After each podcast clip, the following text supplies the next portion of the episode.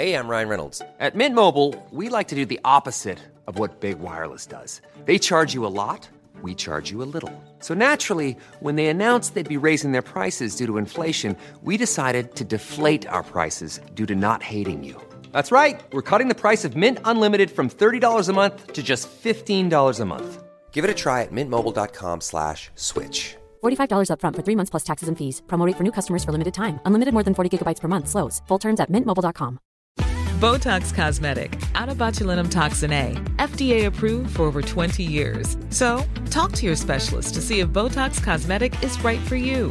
For full prescribing information, including boxed warning, visit BotoxCosmetic.com or call 877-351-0300. Remember to ask for Botox Cosmetic by name.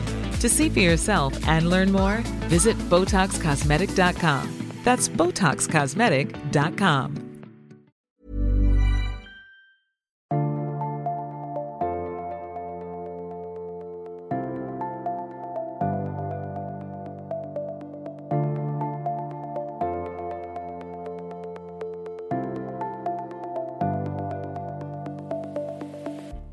Hallo, det er sommer, og jeg deler en bonusepisode av Ingefær til å høre på enten du er hjemme, på reise eller på jobb, eller hva enn du gjør nå. Jeg heter Sara Lossius og ga ut boken min Litt lykkeligere tidligere i vår, og slik sett er denne episoden egenreklame. 16.6 hadde jeg bokbad for Litt lykkeligere på Cappelen Dam for å feire at boken allerede hadde kommet i nytt opplag. Og for en forfatter er det naturligvis utrolig og litt koko stas. Med meg på scenen på forlaget hadde jeg tre av de mange kloke kildene jeg har i boken min. Nevropsykolog Ylva Østby, psykolog Rebekka Egeland og treningsekspert Ingvar Andersen.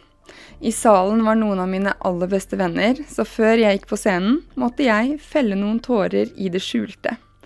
Det siste halvannet året har jeg jobbet svært, svært mye, og med korona på toppen er det mange av dem som jeg er glad i, som jeg nesten ikke har sett. Så at de likevel prioriterte meg, var veldig stort. Gode sosiale relasjoner er noe av det viktigste vi har for et uh, lykkelig liv, og det skriver jeg mye om i kapitlet om nettopp relasjoner. De andre kapitlene i boken handler om vaner, om natur, om trening, om mat og om stress og søvn. Litt lykkeligere er med andre ord en omfattende bok skrevet på forhåpentligvis en lett forståelig måte. Denne bonusepisoden er et opptak av Bokbadet. Min kloke og dyktige redaktør Anne Søyland og jeg snakker litt først, før gjestene kommer opp på scenen. Og det ble en innmari fin, ærlig og morsom samtale. Noe av det vi snakker om, utdypes i boken, andre ting står ikke i boken. Men har ikke du kjøpt Litt lykkeligere ennå, er jeg sikker på at du vil like den. Med hånden på hjertet, Litt lykkeligere er en skikkelig fin sommerbok som vil gi deg kunnskap og tips til å ta med deg videre inn i høsten. God lytt og en god sommer. Vi høres igjen når det er kaldere i været og hverdagen har vært hverdag en liten stund. Ta vare på deg selv og de du er glad i.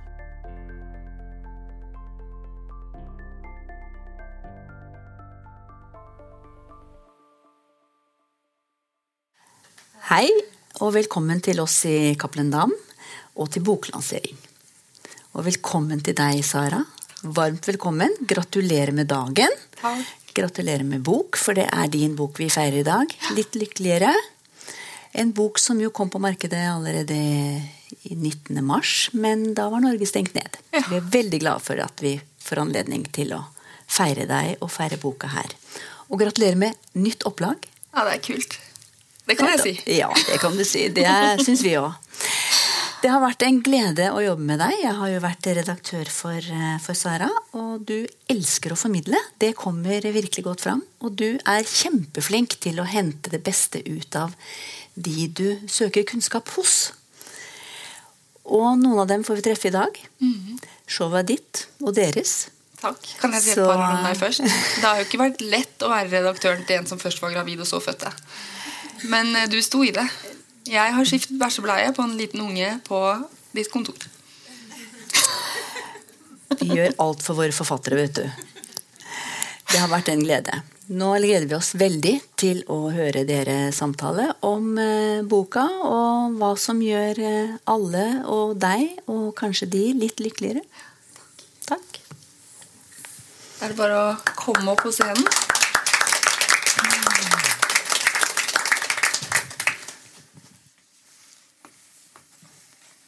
Skal vi bare kjøre på?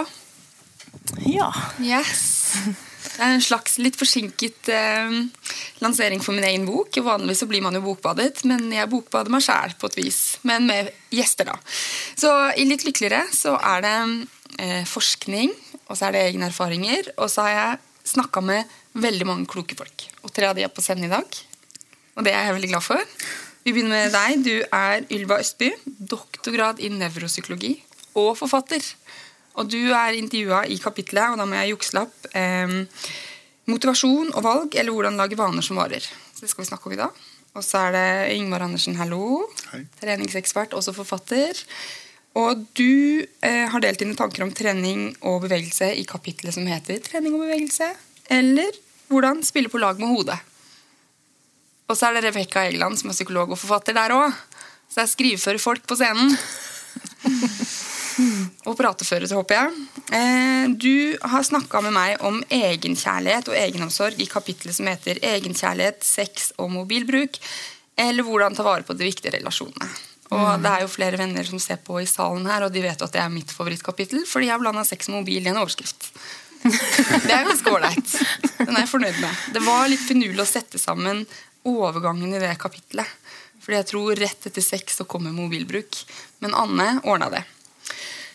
Vi skal snakke om vaner, egenomsorg og trening i dag. Og så skal vi snakke til slutt om hvile, fordi det er min eh, akilleshæl. Og fordi for mange så har det vært et ganske hektisk halvår, og så går mange av oss inn i sommerferien. Så vi må ha med litt om hvorfor hvile er viktig, selv om det er vanskelig. Eh, men jeg tenkte at vi skal begynne med vaner, for det er det første kapittelet i boka. Eh, og jeg tror at veldig mange av oss vet hva som er fint å gjøre, og så greier vi det ikke. Fordi vi ikke helt vet hvordan. Og det inkluderer meg. For jeg vet ganske mye om hvordan etter å ha skrevet den boka, og likevel så feiler jeg stadig vekk. Så man er på en slags reise. Altså En vane er jo en automatisert handling, og uavhengig om den vanen er bra for oss eller dårlig for oss. Og så tenkte jeg å, å låne hjernen til Ylva litt. Fordi eh, hvordan er en vane i hjernen vår? Vel, det er jo en slags eh, Altså det skjer jo en fysisk endring i hjernen vår når vi har oppretta en vane. Da er det på en måte spor som gås opp mellom eh, nervecellene våre, eh, som gjør at ting går litt av seg selv. da. Som du var inne på, da, at det, er, det blir etter hvert automatisert. Og det er jo en eh, kjempefordel for, for oss som eh, levende vesener. At vi kan eh, lære oss en måte å gjøre ting på, og så slippe å måtte tenke på det eh, på lang tid etterpå. Ja, for Du snakket om det i boken, den der, hvordan morgenrutinen ville vært hvis vi ikke har det som vane. Ja. Det sliter jo jeg med fremdeles på mine døtre på fem og sju, og sikkert nå med babyen etter hvert. Sliter litt selv, jeg, må jeg si. Ja, Det er godt å høre. Selv om jeg Det 41. eh, vi tror vi har automatisert morgenen. Det er alltid noe som går feil. Ja, jeg glemmer Mm. eh, stadig hvor jeg har lagt nøklene mine. Og da det, tar det masse tid når jeg skal gå hjemmefra eh, og lete etter de nøklene. Så Jon har koll på min mobil. Ja, ikke sant? Så vi må bare lage en vane om å alltid legge nøklene i, eh, i sekken eller i lomma på den jakka eller hva det nå er. Ja. Så slipper man å bruke energi på det, rett og slett. Men hvorfor er det så bra for hjernen å bruke litt energi? For den er en latsabb. Ja, eh, hjernen er jo det mest energikrevende organet vi har. Eh, og hjernen skal gjøre veldig mange ulike funksjoner for oss. Så måte, alt som kan eh, spares på, er jo bra, fordi at vi trenger eh, kapasitet til å gjøre ting som er eh, ja, Plutselig står vi der og trenger å regne ut eh, gangetabellen, liksom. Da er det veldig fint å ha litt kapasitet til det, og ikke samtidig måtte tenke på hvor vi står og går til enhver tid. Men du, en annen ting. Er jeg snakket med deg i boka om, om hukommelse, for du har skrevet din forrige bok. Den nyeste er jo novellesamling. Forrige skrev du med søsteren din og handler om hippocampus. Ja. Sjøhest. Og Da skriver du mye om hukommelsen. For den har jeg skjønt, eller det vet vi kanskje alle, at vi mennesker er bedre på hukommelse enn dyr. Men vi har også fortidshukommelse, og den kan vi dra nytte av når vi skal prøve å endre en vane. Ja. Eh, at vi har en fortidshukommelse er Nei, jo fremtid! Ja. fremtid. ja, for hukommelsen er jo fortid. Men eh, ja, eh, grunnen til at du presiserer at hukommelsen kan være fortid, er jo nettopp også fordi den kan også eh, strekke seg inn i framtiden. Eh, og at vi har eh, Framtiden er en, en, på en, en naturlig del av hukommelsen vår. Det at vi kan forestille oss hva som kommer til å skje, eller hva som kanskje kommer til å skje med oss i framtiden. Uh, og det er, uh, altså, det er en veldig sånn personlig opplevd framtid som det er snakk om her. At vi kan f.eks. For uh, forestille oss den deilige følelsen etter å ha gjennomført en treningsøkt. Som vi der og da kanskje ikke er så motivert for. Men hvis vi klarer å kjenne litt på den følelsen av hvordan det kjennes etterpå, på forhånd, så gir det oss en slags sånn forhåndsbelønning som kan hjelpe oss å motivere oss. da. Så Det er jo da noe evolusjonspsykologer mener at er kanskje egentlig hovedfunksjonen til hukommelsen vår. Er nettopp det at vi kan bruke den til å forestille oss framtiden. Og da bekymre oss litt òg, ikke sant? Ja, ja, absolutt. Så Framtiden er eh, på godt og vondt. Den inneholder jo både bekymringer, eh, men også de tingene vi kan glede oss til. Jeg har brukt den eh, aktivt før det her, fordi eh, det var min idé at jeg skulle ha dette bokbadet her. Eh, og så syns jeg det er kjempegod idé. Kjempefornøyd når Cappelen Dam sier bra. Det kan de gjerne gjøre. Og så havner jeg i kjelleren. Fordi jeg hater jo egentlig dagene før det her. Og jeg vet jo at jeg blir verdens dårligste dame på hjemmebane, og nå har datteren min hun yngste vært syk i tillegg. Så jeg har gått rundt og, og hatet, og forestilt meg vinen etterpå. Ja, nettopp! Veldig bra. Og vet at det, at det går sikkert greit. Altså Så jeg har bare levd på det. Men eh, de bekymringene de sniker seg på oss. Hey, I'm Ryan Reynolds. Recently, I asked Mint Mobile's legal team if big wireless companies are allowed to raise prices due to inflation. They said yes. And then when I asked if raising prices technically violates those onerous two year contracts, they said, What the f are you talking about, you insane Hollywood ass? F- So to recap, we're cutting the price of Mint Unlimited from $30 a month to just $15 a month. Give it a try at mintmobile.com slash switch. $45 upfront for three months plus taxes and fees. Promo rate for new customers for limited time. Unlimited more than 40 gigabytes per month. Slows. Full terms at mintmobile.com. Botox Cosmetic, out of botulinum toxin A, FDA approved for over 20 years. So, talk to your specialist to see if Botox Cosmetic is right for you. For full prescribing information, including boxed warning, visit BotoxCosmetic.com or call 877-351-0300. Remember to ask for Botox Cosmetic by name. To see for yourself and learn more, visit BotoxCosmetic.com. That's BotoxCosmetic.com. Men i boken min så skriver jeg også om at vaner skal gjenspeile litt av det som er viktig i livet. Der tenkte jeg å spille på deg, fordi du har jo gitt ut en bok sammen med kona di om det viktige livet. Hva tenker du om vaner og det som er viktig? Ja, Vi har jo laga den boka om eh, vår eh, eh, prosess som gikk ifra å ha det veldig rotete rent fysisk rundt oss, til å minimere antall ting og minimere forbruket vårt. Eh, og Jeg må bare nett kommentere dette med kapasitet i hjernen. fordi at eh, Det kan jo selvsagt være andre grunner til det, men eh, når denne prosessen var over, så hadde jeg rett og slett mye større kapasitet. Fordi at jeg nå aldri leter etter disse tingene lenger. For det er så lite ting eh, hos oss. Eh, vi har ikke noe system, det er ikke noe struktur. Det er bare såpass lite ting at det går maksimalt en tre-fire sekunder før jeg finner ting. Eh, og lager middag og alt sånt. Så, så, så det, det, er jo interessant. og Da kan du kanskje si noe om, Ylva. Eh, hva er det som har skjedd? Åh, nei, Jeg ble jo veldig misunnelig når jeg hører si det. For jeg driver og rydder og tømmer eh, leiligheten for alle disse ekstra tingene, jeg også. Men, eh, men ja, det, altså, det at du får litt mer oversikt, gjør at du ikke trenger å bruke bevisst hukommelsen så mye da, på hver minste lille ting. Eh, så det høres rett og slett veldig deilig ut. Jeg, synes det, jeg er litt misunnelig på det. Men jeg husker når jeg leste den boka, for dere har vært på Ingefær før, om menn, at du brukte en formue på taxi. Ja. Ja. Så nå kan du bruke det på deg sjæl i stedet for, fordi du kommer deg ut døren i tide. Det er ikke verst. Noe av det vi har, har, har gjort, er jo at vi eh, jobber en del mindre. litt litt tilfeldigheter, litt eh, styrt. Tjener mindre. Eh, men bl.a. pga. taxi og andre løpende utgifter, så sitter vi igjen med mer penger òg. Så det er liksom færre ting, mer penger, mer kjærleik. Og ja, det, er liksom, eh, det, det, det er nesten så det er flaut å snakke om hvor stor den effekten har vært. For det høres nesten usannsynlig ut. Ja. Vi skal over på, hoppe over på egenkjærlighet. Når jeg skrev boken min, så tenkte jeg kvinne 38 nå er jeg 39, men kvinne 38 sitter og skriver en bok. Ta med egenkjærlighet. Og så kjente jeg litt på sånn Er det vits? Er det litt flosklete? Um, men uh, jeg har jo lest boka di ganske nøye, Rebekka. Den, ene, den første som du skrev med Karina Carl, 'Hverdagssyk'. Mm. Der skriver dere, om, eh, skriver dere om egenkjærlighet eller egenomsorg. Mm. Så du mener at det er ganske viktig å ha med en bok? Ja, jeg tenker det er helt avgjørende. Med egenomsorg, kanskje kaller jeg det. Um, det handler jo egentlig om å ta seg selv på alvor. Og tørre å sette grenser. Tørre å si fra og kjenne etter hva er godt for meg akkurat nå. Uh, Istedenfor å gjøre det man føler man burde eller skulle eller måtte gjøre for å tilfredsstille forventninger til en selv eller for andre. da. Og litt i forhold til det du sier med Vi har jo en tendens til å ha tanker enten om fortiden ikke sant? Gruble. Og så tenker vi om fremtiden bekymrer oss. Alt dette, og det skaper mye støy og lidelse for oss. Så det å tørre å faktisk stoppe opp og kjenne hva er godt for meg nå, det tenker jeg er eh, Det er liksom fundamentet. Det må, det må vi jobbe med. Og det er en ferskvare. Det må vi øve på. Det er en treningssak.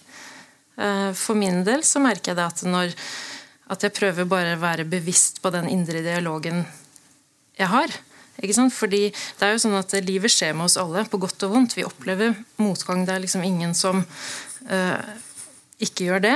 Om det er om vi mister jobben, eller om vi, vi uh, blir dumpet, eller om, om uh, noen vi er glad i, går bort, f.eks., så, så er det noe som skjer oss. Men det som ofte skaper mer lidelse, det er hvordan vi forholder oss til det som skjer. Hva sier vi til oss selv i lys av det som skjer? Så jeg legger ofte merke til når jeg er veldig kritisk til meg selv. Så spør, stopper jeg opp så spør jeg meg selv helt konkret er det her godt for meg. Er det nyttig? Hjelper det? Og svaret er alltid nei. Og bare en liten sånn mantra selvomsorg. Selvomsorg.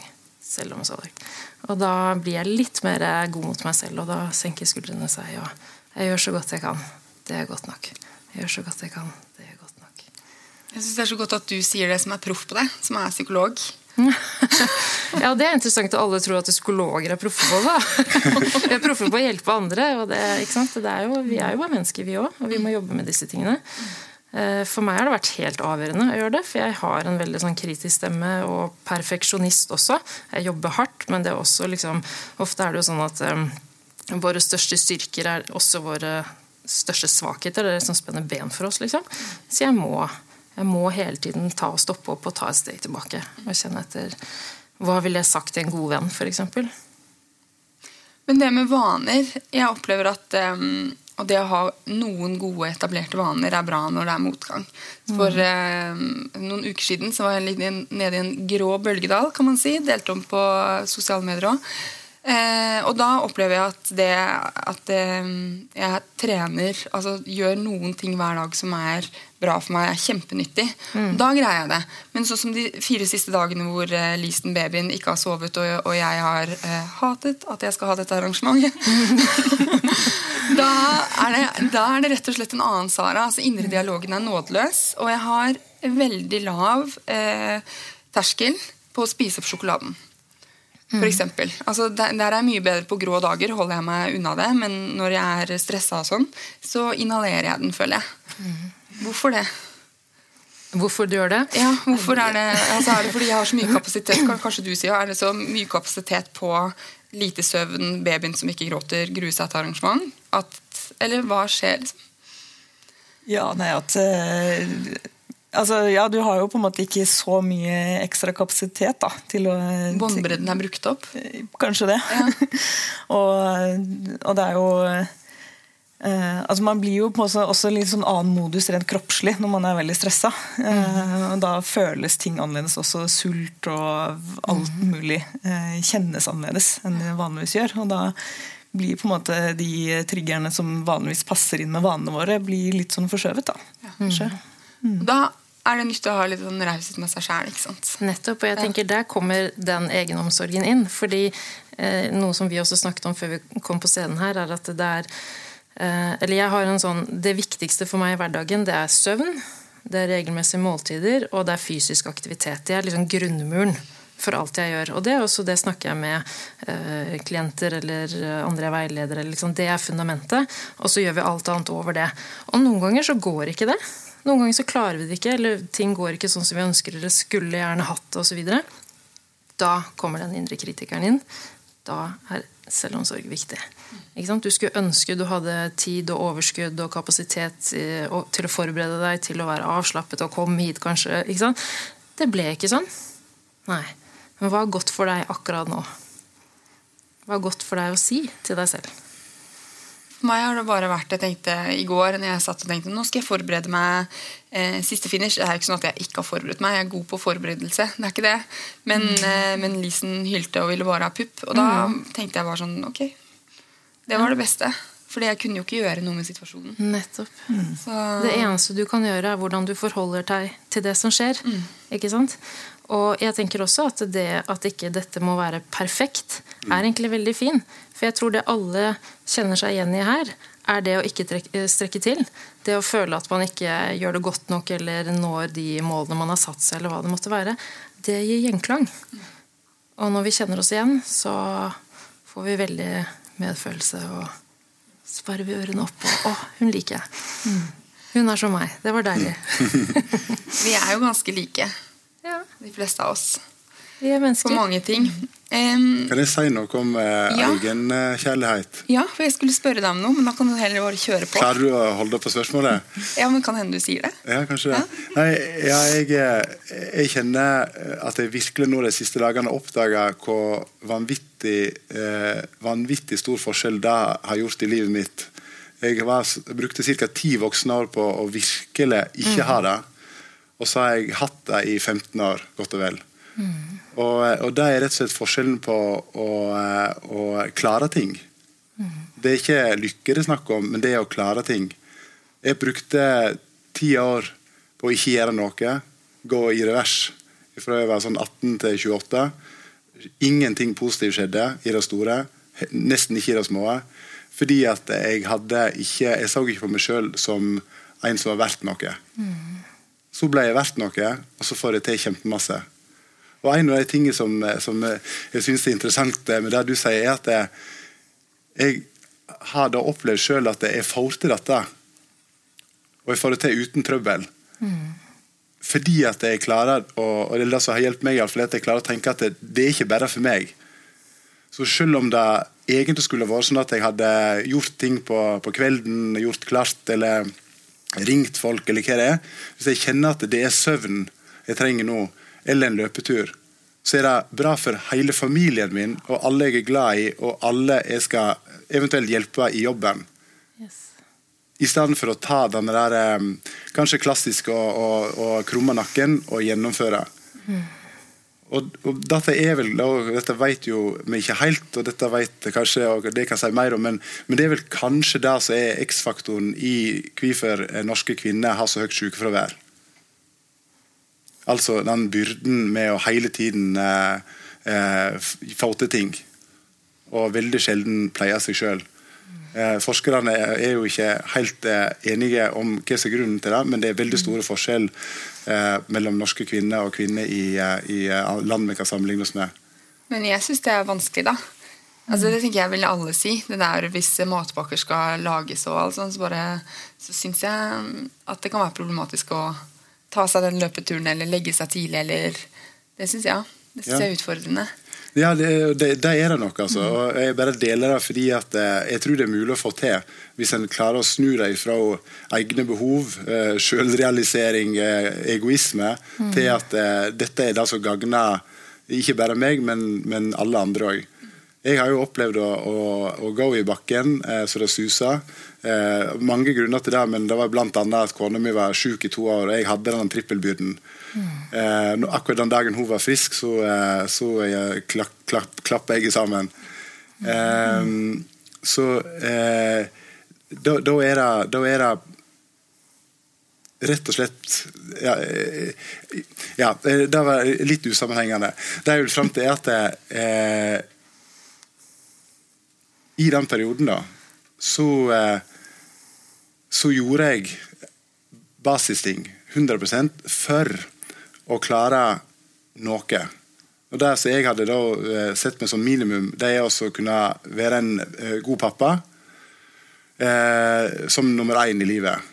Og Det klarte jeg da når jeg var ille ute, fra sju om morgenen til ni. Og så fra fire til sju. Eller halv sju, når jeg skulle legge seg. Det er noen år siden, når jeg var litt mindre. Og det tok tre måneder. Jeg tror at det, Hvis jeg ikke hadde gjort det sånn, så hadde det tatt fem eller ti år. Kanskje hadde jeg aldri kommet tilbake. Men etter tre måneder så var jeg eh, sånn som jeg ser det selv, eh, intellektuelt og fysisk sprekere enn noen gang. Ga det noen meninger? Det ble litt sånn uh... Veldig mening. Ja. Veldig mening. jeg merker at det var en overgang Nei, Det er fint det med å se på egenkjærlighet, om vi bruker det ordet, som uh, noe større enn deg selv. Mm. Ikke sant? Og Du sier det med kvinner og sykefravær. Det stemmer uh, at kvinner har høyere sykefravær enn menn. Og så er det litt diskusjon om at kvinner er kanskje mer belastende yrker, som gjør at man blir fortere sykemeldt osv. Men det er nok en, en kombinasjon, da. Men det å compassion fatigue, f.eks., er det mm. noe som heter. ikke sant? At man gir så mye av seg selv til andre og skulle hjelpe og løfte andre at man liksom mister seg selv helt. Og tar man ikke vare på seg selv og egne behov underveis, så har man heller ingenting å gi, gi til andre. Men hvis det skjer at man går på veggen, så trenger man heller ikke å banke seg selv opp for at det har skjedd. ikke sant? Igjen mm. den der egenomsorgen der gjorde så godt jeg kunne. Hva har jeg lært av dette? Hva kan jeg ta med meg videre fra det som skjedde? Og på den måten kan du egentlig liksom aldri feile. Og det er en liksom fin, eh, fin inngang til livet, syns jeg. Så er det det å lære å si nei. Ja. Ja, absolutt. Det er også egenomsorg. Ja, men det er det, det å sette grenser. Det, er, det synes jeg, eller nei, jeg begynner å bli god på det. Men uh, jeg kan, har jo kan bare, Unnskyld, ja. jeg er veldig uhøflig. Bare, bare, kan jeg komme med én kommentar? Ja, det får du lov til. Det var jo en, en kar som gjorde sånn, Det var jo ikke et studie, da, men han undersøkte Uh, en akademiker, jeg husker ikke hva han heter, men for en fire-fem år siden, han ble så indignert på Radiumhospitalet. Barnet var alvorlig sykt, og så henvendte legene seg konsekvent til kona. Mm. Eh, I forhold til hva som skulle gjøres, avtaler, alt dette her. Så sa han ifra, da, og så ble han så interessert etter at han begynte å ringe litt rundt. Eh, hvorfor er det sånn? Og, og, eh, Jeg vil absolutt være like mye til stede, og jeg føler meg like kapabel som, som hun, men jeg blir jo ikke sett. Men da viste det seg at hos mer sånn praktiske De, de barnehagelederne som var liksom praktisk, hadde praktisk, praktisk tilnærming, de sa at vi har lite tid. Når vi ringer pappaen, så i 90% av tilfellene så tar ikke han telefonen. Ringer, ser mammaen at barnehagen ringer, så tar hun telefonen. Så vi sparer tid. Så det er klart at det bare i løpet av et år alle de gangene en blir tilkalt. Og Det samme er det med, med strømpebukser, bursdager f.eks. Jeg, jeg, har jo jeg har opplevd at jeg har vært indignert av at kona mi alltid får meldingene om gave. Så jeg kjøper jo inn gaver hele tiden for å vise at dette her, da klarer vi jo. Ja, men, men jeg får ikke melding engang. Meldingen går til de andre mammaene. Så, så, ja, jeg vet at forskerne fortsatt er, er, er uenige, og det ikke er noe sånn tre, to streker under svaret, men ja, jeg tror det er en ekstra byrde som er utvilsom for kvinner. Ja, helt klart. Kanskje det er noe med evolusjon å gjøre også. At vi var, kvinner var liksom hjemme og passet på husstanden mens menn var ute og jaktet. og jeg vet ikke. Det vet ja, du nei, mer enn meg, med hjernen. Men det er en greie, og jeg merket mm. også det da jeg jobbet som kliniker, at det var de samme problemene som kom igjen da, mm. blant kvinner og menn. Kvinner klaget på at mannen aldri tok oppvasken eller handlet maten eller husket å kjøpe den bursdagsgaven til uh, bursdagsselskapet og alle disse tingene. Mens menn klagde over at kvinnene maser sånn. Ja. Det er det samme. Og det var igjen og igjen og igjen og gjentagende. Mm. Vi sporer kanskje litt av, nei, nei, ja, men da kan jeg si litt om sånn kjærlighetsspråk. da, Bare for å ta det kort, for jeg tenker det er kanskje relevant for veldig mange. Og så er det med i boka? Ja, det er med i boken. Mm. At vi har jo alle ulike kjærlighetsspråk. For så med min mann så pleide jeg Jeg vasker tøy og eh, bretter, og eh, gjorde i mange år eh, det for mannen min også. La det liksom frem på sengetid med bokserne bare, og tenkte å, jeg er så skikkelig god kone. liksom, Tenk så heldig han er. Med, liksom. og så sier han til meg en dag hvorfor driver du og gjør det der? Jeg driter jo om det ligger sånn brettet på sengen. Jeg bare kaster det inn tenkte jeg, hva i all verden er det som skjer? liksom? Og så handlet det om mitt kjærlighetsspråk. Fordi For meg er det, hvis han skal gjøre noe fint til meg, så er det rett og slett å vaske hus, eller han har handlet inn mat, eller gjort ting som ikke jeg har bedt om eller forventer. Eller, ikke sant? Hvis, hvis noen bretter mine klær, så syns jeg det er veldig deilig. Litt sånn husarbeid. Mens for han, hvis jeg virkelig skulle vise at jeg eh, var glad i han, brydde meg om han osv., så, videre, så var det heller å bli med å planlegge eh, friluftsliv, altså turer, ferier, jakt. At ikke jeg bare ble med, men faktisk satt meg ned med kart og kompass. Og liksom, som jeg egentlig syns er litt kjedelig, ganske utålmodig, men nå gjør jeg det, for jeg vet at det betyr enormt mye for han. Og så vasker han huset og sånt innimellom uten at jeg vet det. og så kommer jeg, Det er veldig interessant. Og det å tørre å faktisk snakke litt om hva er det, når er det du føler at, at jeg er glad i deg? At jeg ser deg? Den, den, er veldig sånn interessant å ta en prat om det, fordi vi tenker at den andre, andre vil ha noe helt annet fra oss enn det vi faktisk Pluss at det er nyttig å ta det som egen test også, da, for hva en mm. liker. Ja. På, eller hvordan vil jeg bli sett. Ja. Hjemme hos oss er jeg en komplimentmaskin. Ja. Eh, og det bryr ikke Jon seg noe om. I det hele tatt. Altså, det preller av som hva heter det, vann på gåsa. Mm. Det bryr han ikke i det hele tatt. Men det, han har lært seg liksom Fordi det gjør meg veldig godt å si det. da. Ja. Men mm. eh, hvis jeg får et kompliment, så går jeg til naboen. Fordi Det høres teit ut, men uh, kjæresten hans er her i dag. Men jeg gjør det. Jeg går til naboen, han kaller meg Pep fordi han syns jeg har så mye energi. Og så sier han så heit du ser ut i dag, og så sier jeg takk, og så går jeg hjem til Jon. jeg trodde du mente at hvis du får kompliment av mannen din, så går du skryter til naboen. Nei, jeg går til naboen. Da hadde jeg sagt det veldig høyt. Nei, jeg, går til naboen for å høste noen fine ord om meg selv, og så går jeg tilbake til Jon og føle meg fin. Men kan ikke dette også snus til litt sånn, til sånn selvomsorg? da, At mm. dette med kjærlighetsspråk at det også på en måte gjelder en selv? da, At man kan ja. være litt bevisst på hva slags uh, ting er det jeg kan si til meg selv som betyr noe for meg? Og er det på en måte er det egentlig det der jaget etter å se perfekt ut eller å ha en fin fasade? Eller er det andre dypere ting som, eh, som jeg kan gjøre for meg selv, da, mm. som uh, betyr mer? Mm absolutt. Jeg har lyst til å, eh, Rett før vi går til trening, så tenkte jeg for dere, Nå sa jeg jo at alle er forfattere. Eh, ikke at eh, det er noe viktig, egentlig, men når man har skrevet en bok, så er det i hvert fall, har vært for meg ganske eh, brutalt egoistisk. Eller ikke egoistisk, men det er jo eh, mange her i salen som ikke har sett på veldig lenge. fordi i fjor var jeg gravid og skrev bok og jobbet, og det var det jeg gjorde. Eh, og så var det lockdown. Men hvordan tar dere vare på dere selv i perioder når det er mye. Fordi det er, alle liv har jo perioder hvor det er hektisk. Samme om man skriver bok eller ei. Hva du nevnte søvn, mat mm. Mm. Fysisk aktivitet. Ja. Mm. Er det samme for deg? Eller? Ja, og så er det Jeg er helt avhengig av badekar.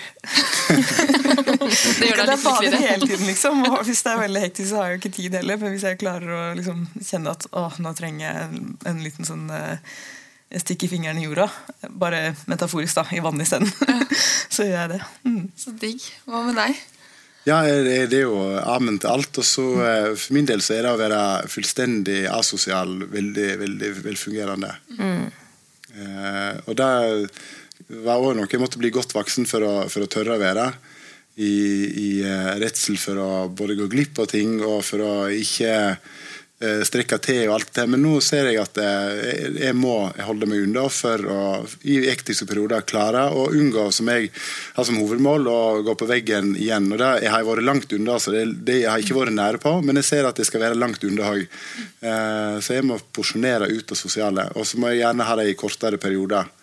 Lange middager er veldig hyggelig, men det er sjelden nok for meg. Mm. Så, men du har kone og tre døtre, akkurat som Jon har pådratt seg. Så ja. da drar du ut i skogen aleine, eller sånn, eller hva? Ja, jeg, jeg, kan godt være med deg. For at eh, eh, vi har altså, en sånn eh, eh, Ja, vi kan være med hverandre uten å prate. Mm. Eh, vi kan også prate, men det er, ikke, det, det, det er helt fritt. Så jeg tar deg gjerne med Men eh, vi legger ned ambisjonene om, om voldsom prating hvis ikke det plutselig skjer. For det kan jo skje. Det skjer. er er det sånn også har det hjemme. Mm. Det er veldig fint. Ja, men det må Mm. være tørre å faktisk trekke seg tilbake og skru av telefonen, gjerne en hel helg, og bare være. Mm. Jeg, å hente energi er viktig. Og ref vane, for meg er det å gå tur og være ute i naturen. Og vi har en hund, så det må vi uansett hver dag. Men det, det er jo Den største gaven i livet, tenker jeg, er at vi kan være to, men alene. Ikke sant? Eller vi kan være sammen uten at det, det belast, Eller vi trenger ikke å si noe. En hel helg trenger vi ikke å si noe. Og det, det tenker jeg er det var det som gjorde at jeg kjente han er mannen for meg for åtte år siden. eller sånt. At her kan jeg være helt meg selv. Det å komme hjem er å bare som å komme hjem og være alene. Det er eh, Og veldig lite av han her er det jeg hadde på listen av hva jeg tenkte jeg skulle ha i et forhold. det er interessant. Jeg fikk en veldig romantisk gave av mannen min eh, for et par år siden. eh, Og det var sånne støykansellerende hodetelefoner. Sånn at vi kan være sammen når vi kan ha det helst til. Bare introverte folk på scenen. Ja, så bare. Nei, men, ikke sant? Det er veldig sjelden man er enten introvert eller helt ekstrovert. Ikke sant? Jeg er, hvis jeg er sosial, så er jeg, liker jeg å være sosial. Men jeg, hvor jeg henter energi, mm, det er å være alene eller sammen med han. Så det er, vi, vi beveger oss sånn her, de fleste av oss. Og så litt mer ut her noen ganger, og litt mer her. Men å i hvert fall vite, vite hva man selv trenger for å ha det bra. Ikke det andre nødvendigvis trenger eller forventer av en, eller sier man burde gjøre, skulle, eller og der er også egenomsorg ganske sånn fint å minne seg selv på åh, vet du hva, nå er det helg, jeg er bare hjemme. Jeg trenger ikke å se noen, jeg trenger ikke å gjøre noe flott eller fint vær. Jeg kan sitte inne, sette på en Grandis og en serie, liksom. Da koser jeg meg. Liksom. Mm. Det, er, det er selvomsorg, ikke sant? Det er litt deilig, fordi man Grandis. tenker jo at man bør eh, ut. Hva sa du? Det, jeg synes det er litt sånn deilig å høre, for man tenker jo at man bør ut når det er fint vær. Der hvor du burde, ikke sant? Ja. det det- Jeg liker det, da. Ja. Eh, Men ja. det er jo, ja. Ja, hvis du liker det, er det jo toppen. Men hvis det er en sånn 'jeg burde gjøre det', eller 'jeg skulle ha gjort det', eller 'må', så er det den der indre kritikeren som vi ikke trenger. Det er, igjen, det er den indre kritikeren som skaper lidelse. Mye mer lidelse enn det som skjer som vi kanskje ikke aksepterer eller liker. Eller, ja. Vi må hoppe over på trening. Mhm. Det er Da ser- greit? Da ser vi på deg. Ja, men, ja, men dere skal ha et ord med i laget, dere også. Eh, fordi eh, jeg tenker at mange opplever at treningsvanene er endret nå. Men ikke for deg, for du har treningsrom i stua. For når dere ryddet, så fikk dere plass til det. Så for deg så har det vært ganske likt etter eh, korona, har det ikke det? Jo, eh, jo, det har det, men sånn helt spesifikt så har jeg en, egentlig endra vaner. Fordi at eh, jeg eh, for første gang siden jeg var tenåring har funnet skikkelig glede i styrketrening. Så jeg har jo lagt på meg en sju kilo, faktisk, eh, sånn cirka. Jeg har ikke nøyaktig holdt på det, men i, i koronatiden. Eh, og det, det er jo samme vanene, bare endra litt på hva som skjedde. Det var veldig overraskende for min del, for jeg har liksom kommet inn i, i eh, en vanvittig kjærlighet til løping og alt som varer lenge og rolig. Og så plutselig så, så var det et eller annet som skjedde, og så eh, ville jeg gjerne bli litt eh, sterkere igjen. Men har du så tungt løfteutstyr hjemme i stua? Stova driver og bærer inn og ut av alt dette været. Ja. Så det blir jo veldig gode treningsøkter i dag. Men, ja. jeg, har, har masse, men jeg, jeg trener jo noen mennesker òg hjemme. da. Og Det er jo litt sånn tilfredsstillende å ha litt med både økonomi og andre ting å gjøre. Kanskje Kanskje er det overførbart til, til andre ting. Eh, men, men eh, det var jo en veldig morsom ting med det som endte opp som stovegym.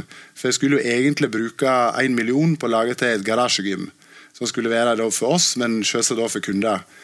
Og så ble det jo plutselig så god plass i stova at eh, vi sparte jo da en million. og eh, det er jo mye kulere med stovegym enn garasjegym. Jeg er enig i det. Ja. Ja. Så, og, og, Selv om vi har garasjegym, og det syns ja. jeg er fett. Ja, det er tøft dag, altså. Det er det. Men det ser ikke ut som en million. sånn. Jeg kunne sikkert gjort Men det at garasjen var, er, er ganske sånn basic, så han måtte liksom, hvis en skulle ha kunder der, så måtte det oppgraderes. Og så er det jo det er lov med digresjoner i podkast og sånn her i dag. ikke sant? For jeg, jeg bare kjenner jeg fikk sånn tåre da, i øyekroken her når du sa det med å, å ikke si noe. For det var faktisk i mange år mitt eh, drømmebilde, eh, og egentlig det eneste jeg hadde på en framtidig partner.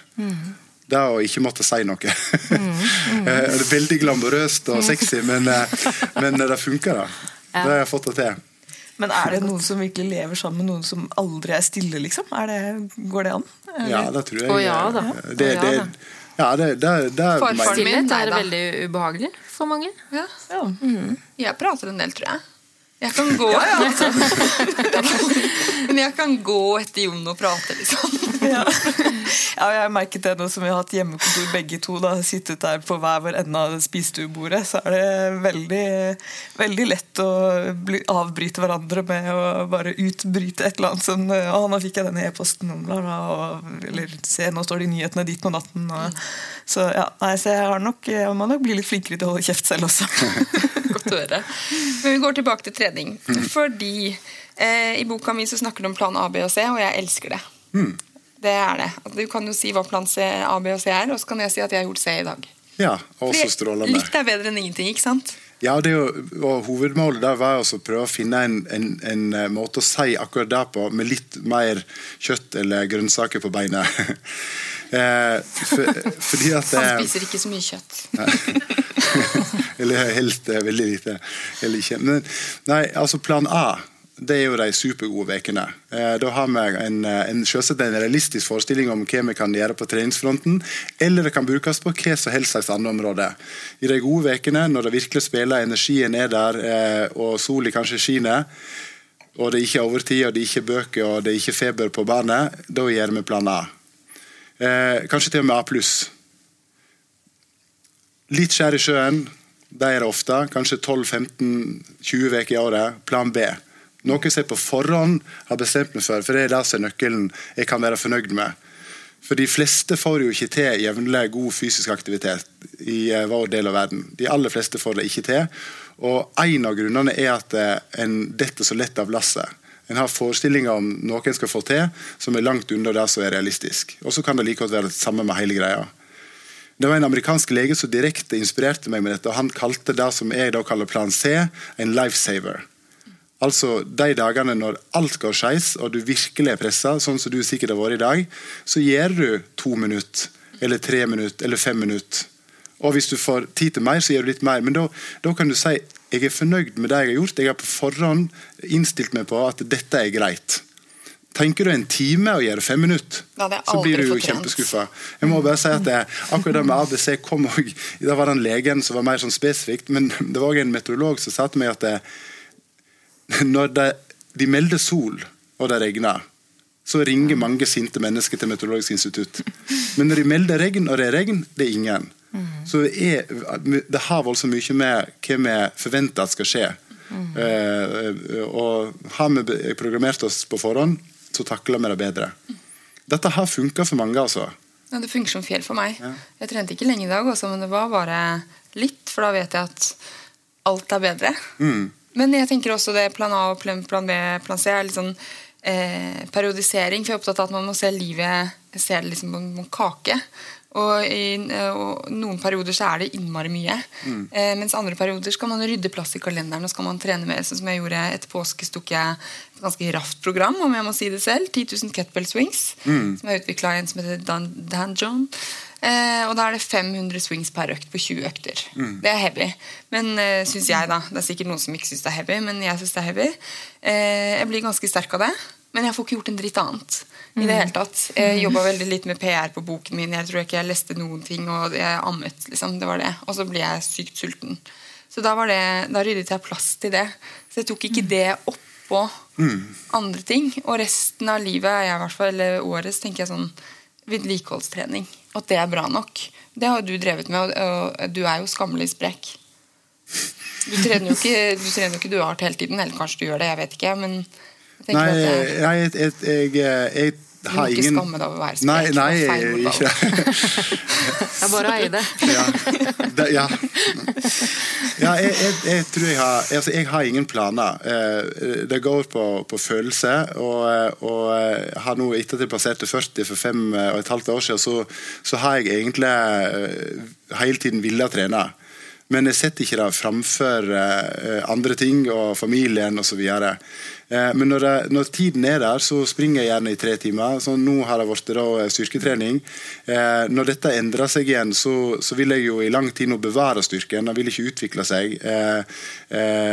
løpingen som jeg har gjort, og skigåingen og skøyteløpingen og alt sånt, selv om jeg ikke har gjort masse av det nå, så, så har jeg gjort litt.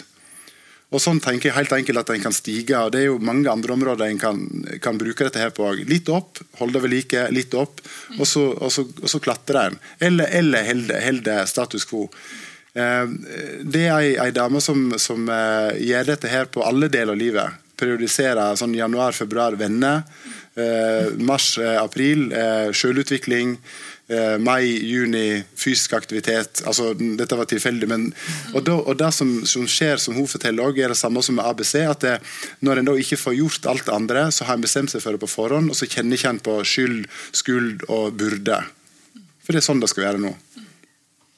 Men er det litt, Kunne du brukt eh, dette ABC-programmet på skrive, bokskrivingen din også? Gjorde, gjorde du det? Nei, det gjorde jeg hele tiden. Ja, for ja. da kan man jo tenke fordi man, Han tenker at i dag skal jeg sette meg ned og skrive liksom, et helt kapittel, liksom, og så er det Nei, Jo, jeg gjorde kanskje liksom. ABC. Nei, da var det altså, Det jeg tenker er så fint med C, er at eh, da, hvis man får trent si ti kettlebell swings, da, det er det eneste, så er man en sånn som trener. Så det blir litt sånn mm. identiteten på at jeg har i hvert fall gjort det. Mm. Og det kan man gjøre. Det gjorde jeg for så vidt på boken. Jeg skrev nesten hver dag. Om mm. det så var liksom to ord, mm. så var jeg en sånn som skrev bok. Ja. Det, og det har noe med den daglige vanen eh, å gjøre. Og jeg ventet ikke på motivasjonen heller, for den er veldig lite til stede egentlig når man skal skrive noe stort. Eh, det må gjøres, liksom. Det, må, det, er jo bare arbeid å gjøre det.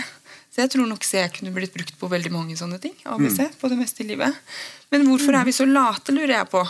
Hvorfor er, altså, du nevnte jo litt at hjernen er lat, men alle vet at trening og bevegelse er bra for oss. Vi blir smartere, eller smarte, mm. vi blir kreative, som søsteren din har gitt ut en bok om nå. Mm. Eh, og vi blir glade. Altså, mm. hvor, hva, jeg føler bare at hjernen spiller på spenn bein på meg. Ja, nei, Det kan jo være at det er noe litt sånn evolusjonært, det også. At vi trenger eh, på en måte å også konservere energi. da, at Eh, I det ene øyeblikket så skal vi ut og eh, finne mat eller vandre langt eller flykte fra noe som er farlig. Så trenger man jo også å spare på energien. da. Eh, så det kan jo være noe med det. At det sitter litt igjen i oss. At vi blir veldig motivert av å bare ha det fint og rolig her og nå. Spise Grandis i inne på en solskinnsdag. Ja. Sorry, jeg kunne ikke Nei, jeg bare ja, Jeg gjør det. jeg spiser også Grandis, da. Men rett, fordi, som jeg fortalte deg litt uh, før vi kom på scenen, fordi jeg hadde uh, Vi har flyttet på landet. Uh, hvor det er kjempeflotte turområder. Og jeg har ikke trent engang, men jeg har gått lang tur. To, I hvert fall to timer med, med hunden min. Eh, og etter at vi flyttet dit, så fikk vi en sånn lite treningsromaktig. Altså vi har en tredemølle, en sånn romaskin og litt vekter, og nå er det mest ute, da. Mm. Og mannen min gjør det mens jeg sitter og soler meg. men, men, eh, det første året så ble den tredemøllen ikke brukt noen ting. Og jeg var, tok, jeg var, så irritert på meg selv, for jeg hadde en sånn plan jeg skal løpe hver morgen. Jeg skal bli sånn morgenløper, liksom. Mm. Og så tenkte jeg hele tiden, hva er det som gjør at ikke jeg klarer å ikke bare innføre en sånn vane, men å starte med en sånn vane. da. Og så skjønte jeg etter hvert at jeg hadde veldig sånn eh, Jeg tenkte at jeg skal løpe intervall hver morgen. eller det, jeg hadde liksom, Terskelen var så veldig høy. Så tenkte jeg nå, målet mitt nå eh, neste morgen er bare å ta på meg joggesko og bare gå på den. Liksom, igjen tilbake til det der å være en som skriver eller være en som trener. Eller sånn og så starte litt mer. Ti minutter. Og så bare løpe litt rolig. Og så ble det en sånn glede av å bare Ja, etter hvert så kommer intervallene. Og så blir det en sånn vane ut av det. da. Mm. Og det var en sånn kjempe, en litt sånn øyeåpner for meg, at jeg måtte bare senke terskelen så lavt. Og det syns jeg er så fint med naturen. da. Og det vet vi også i forhold til forebygging av depresjon, eller behandling også depresjon og angst og alle de liksom vanlige eller ganske hva skal jeg si, lettere psykiske lidelser er jo i ferd med å bli en av de viktigste årsakene til sykefravær i dag. Så jeg tenker bare det å vite at vi kan ta på oss et par joggesko og gå ut, hvilken helseeffekt det har, både forebyggende og behandlende, det er gull. Starte der, og så kan det heller komme Det, Det kan hende det er bare meg, men jeg tenker liksom fra ingenting til maraton. Det er ingen klok strategi. men ti skritt på en tredemølle Joggeskoene klarer jeg å ta på. Ja, For det er ikke alltid så lett, nemlig. Nei, det er ikke det. Ja, men de må så klare. Jeg legger fram treningstøy hver dag før, Ja. eller hver kveld før. Og så matcher det alltid. Selv om det bare er meg som ser det. Og så i forhold til hjernen, og det der å tenke den følelsen etterpå, den har jeg begynt med. Den er også veldig konstruktiv. Ja, og så tenke nettopp på disse, det realistiske målet, da. Fordi, Ja. Og disse planene A, B og C. For hvis jeg, altså, nå er det lenge siden jeg løp halvmaraton, men hvis jeg eksempel en dag så for meg at nå skal jeg trene, og jeg skal løpe 21 km, og så er jeg ikke i form til det den dagen, så er det en Ja. veldig mismatch da, mellom ja. den forestillingen om at hvor fantastisk det skal være å løpe kjempelangt, og så funker ikke beina, liksom. Så det å ha en ja, et Realistisk, ja. realistisk nivå som man kan forestille seg også selve løpingen. Da. Siste på programmet er hvile. Eh, og en av grunnene til at kapitlet, kapittel to i boka mi, som heter 'Stress, søvn, hvile, meditasjon og effektivitet', eller 'Hvordan si nei', det er den lengste tittelen og det lengste kapitlet. Og det er fordi eh, jeg er dritdårlig på å hvile. Det må jeg si. Og det er litt synd, fordi noen av de mest effektive folka jeg vet om, de er kjempegode på å hvile. Min farmor og farfar, for eksempel, eh, de hadde stort hus, to hytter. De gikk ikke av veien for å ta seg en lur. Farmor så på glamour. Eh, farfar sov. Det brydde ikke han seg om. Det forstår jeg, da. Det var ikke så gøy. Men uansett, hvorfor er det så vanskelig å hvile? Det kan du kanskje svare på, for du har hatt noen slitne folk inn på kontoret ditt. Ja, første jeg tenkte på når du sa det var, Hva er det jeg gjør for å hvile? Det, jeg tar jo ofte en morfar, som jeg kaller det, på sofaen. Syns det er helt fantastisk. Altså 20 minutter eller altså Det trenger ikke å være så lenge, men det er eh, Det gjør underverker. Og så tenker jeg også at vi, vi jeg tror kanskje det begrepet hvile kan misforstås litt. Fordi det handler ikke nødvendigvis om å ligge på sofaen. Hvile er så utrolig mye mer. F.eks. det å være i naturen. Stillhet. Være alene. Det kan være kreativ hvile. Å male. Hobbyer, interesser. altså Noe som får, får fokuset bort fra det som vanligvis stresser og er i det der hamsterhjulet. Det er hvile. Så det å være liksom på mobilen eksempel, eller sitte på TV eller ligge på sofaen, er ikke nødvendigvis så konstruktiv hvile, da, hvis du skal ha den effekten hvilen faktisk skal gi deg. Kan jeg, da kan jeg si default mode network, ikke sant? Så kan du spille videre på det. Ja, vi kan prøve det. Ja. Ja, Ja, Default Mode Network er eh, en, eh, en betegnelse på eh, et nettverk av eh, områder i hjernen som er aktive sammen og spiller sammen med hverandre når vi eh, ikke fokuserer på den ytre verdenen og det som er komplekse problemstillinger.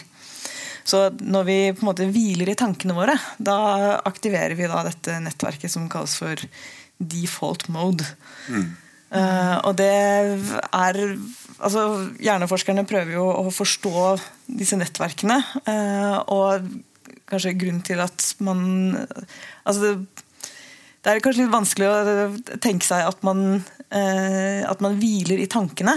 Men eh, det er sånn at hvis man sammenligner det å på en måte eh, skulle gjøre veldig mange vanskelige sånne kalkuleringer samtidig, f.eks., mm. så da bruker du mye andre deler av hjernen din som er rettet mot det ytre og rettet mot kompleks arbeidsminneaktivitet. Eh, og det gjør vi når vi forholder oss til liksom, alt som skjer. Og når jeg for er, går inn på Twitter og blir bare helt sånn eh, overbelastet av alle problemene i verden, så bruker man på en måte de eh, eh, arbeidsminnenettverket. Da. Eh, mens eh, dette default mode-nettverket eh, det er mer i aktivitet når jeg skur av den mobilen og bare lar tankene vandre og ikke tenke på noe spesielt. Bare forholde meg til den ene assosiasjonen tar den andre. Eh, og ja, tenke på minner og forestille meg ferien som kommer. Eh, tenke på eh, ja, hva jeg skal si til den eller den, eller ja, osv. Men hvorfor er det så viktig for oss å være i den modusen? Eh, Det er jo en modus som er Det er en helt naturlig modus, som, eh, men som vi kanskje ikke legger merke til så mye. Nettopp fordi eh, at den er på en måte inni oss, og ikke er relatert til det vi gjør i den ytre verden. Uh, og Det er også grunnen til at den har blitt oversett ganske lenge da, i forskningen. Fordi man, altså Psykologiforskningen har vært veldig opptatt av å måte, måle tankeprosesser. Og da er det ofte lett å måle de tingene man kan be folk om å gjøre, med en sånn ytre respons. Mens det som foregår inni hodene våre bare helt sånn fritt, det er vanskeligere å få tak på. rett og slett. Og Derfor har det blitt litt sånn oversett. Uh, men dette er nok en, en helt sånn naturlig måte som hjernen vår altså stadig veksler mellom å være i den indre og den ytre verden hele tiden. Uh, og det må vi ta på alvor. Så mister vi den kanskje litt med sosiale medier og mobil? Når man alltid er ja, på? det føler i hvert fall jeg. da. Hvis jeg, hvis jeg, altså Nå tar jeg jo ikke bussen hjem, nå sykler jeg jo da. Som jo er veldig sprekt, men eh, koronavennlig. Men før, da når jeg satt på bussen, så hvis jeg ikke tok opp den telefonen, så kunne jeg bare la tankene vandre. Og da foregår det også en del sånn eh, minnekonsolidering osv. Og, så og man også bearbeider på en måte hva som har skjedd i løpet av dagen, og hva som skal skje, og på en måte fester seg til identiteten da, og en selv. Mm. Eh, mens når jeg derimot tar opp telefonen og kommer inn på litt sånn stressende sosiale medier, så merker jeg at da da, ikke, da, slapper ikke hjernen av i det hele tatt. Da er jeg mm. plutselig, jeg går inn på Twitter bare fordi det kommer sånn varsel om at noen har sagt noe morsomt. Og så går det to minutter, og så er det liksom verden går til helvete, liksom. I hvert fall sånn er min Twitter-feed. Du følger fine folk. Skru av notifications, det. ja, det er jo ikke alle sosiale medier som er sånn, da. Men, eh, Nei, men det er fort ja. gjort å, å, å, la seg rive med. Og jeg mm. merker at de periodene hvor jeg eh, syns at jeg selv er en sånn grå mus, så, så, er jeg mer på sosiale medier og blir dratt med, og så taper man jo den kampen. på en måte. Eh, ikke at det er en kamp, men alle ser liksom Har så ryddig hus og mm. sånt hjemme.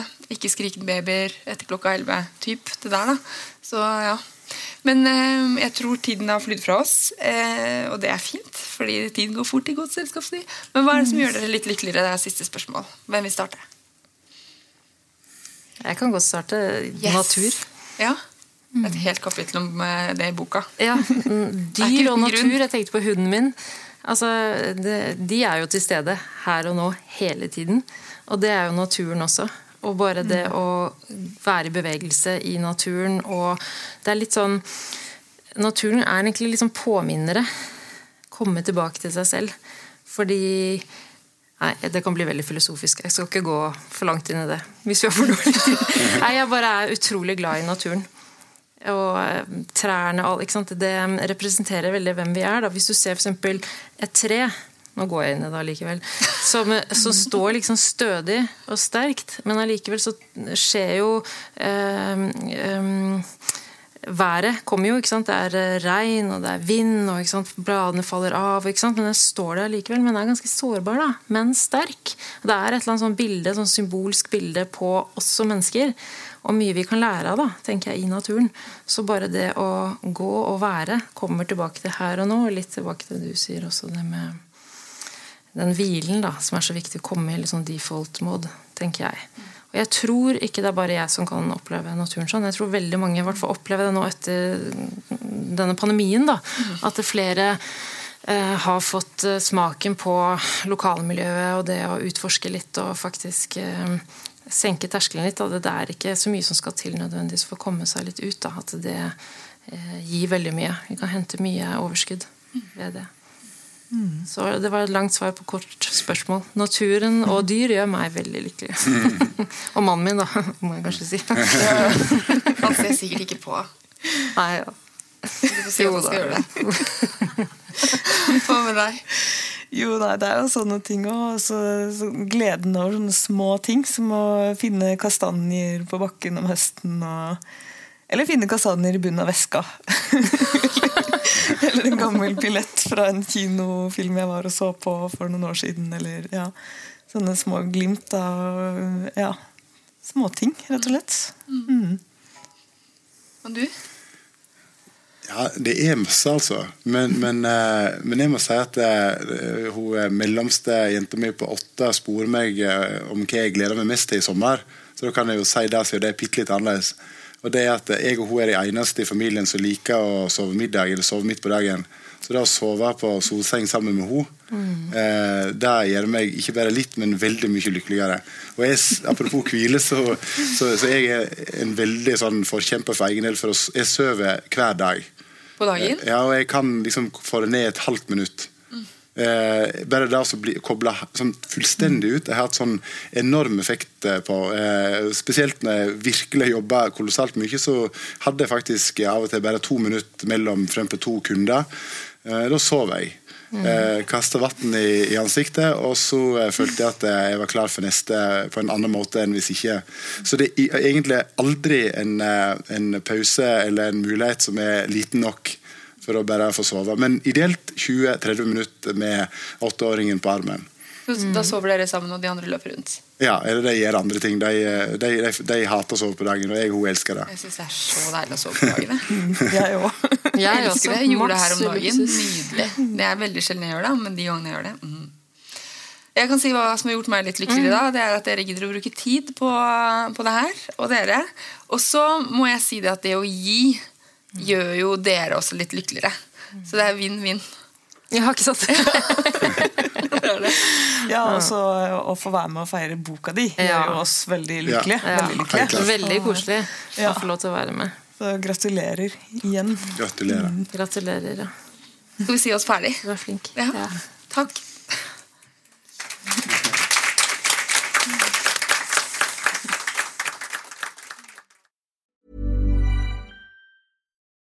Botox Cosmetic, out of botulinum toxin A, FDA approved for over 20 years. So, talk to your specialist to see if Botox Cosmetic is right for you. For full prescribing information, including boxed warning, visit BotoxCosmetic.com or call 877-351-0300. Remember to ask for Botox Cosmetic by name. To see for yourself and learn more, visit BotoxCosmetic.com. That's BotoxCosmetic.com.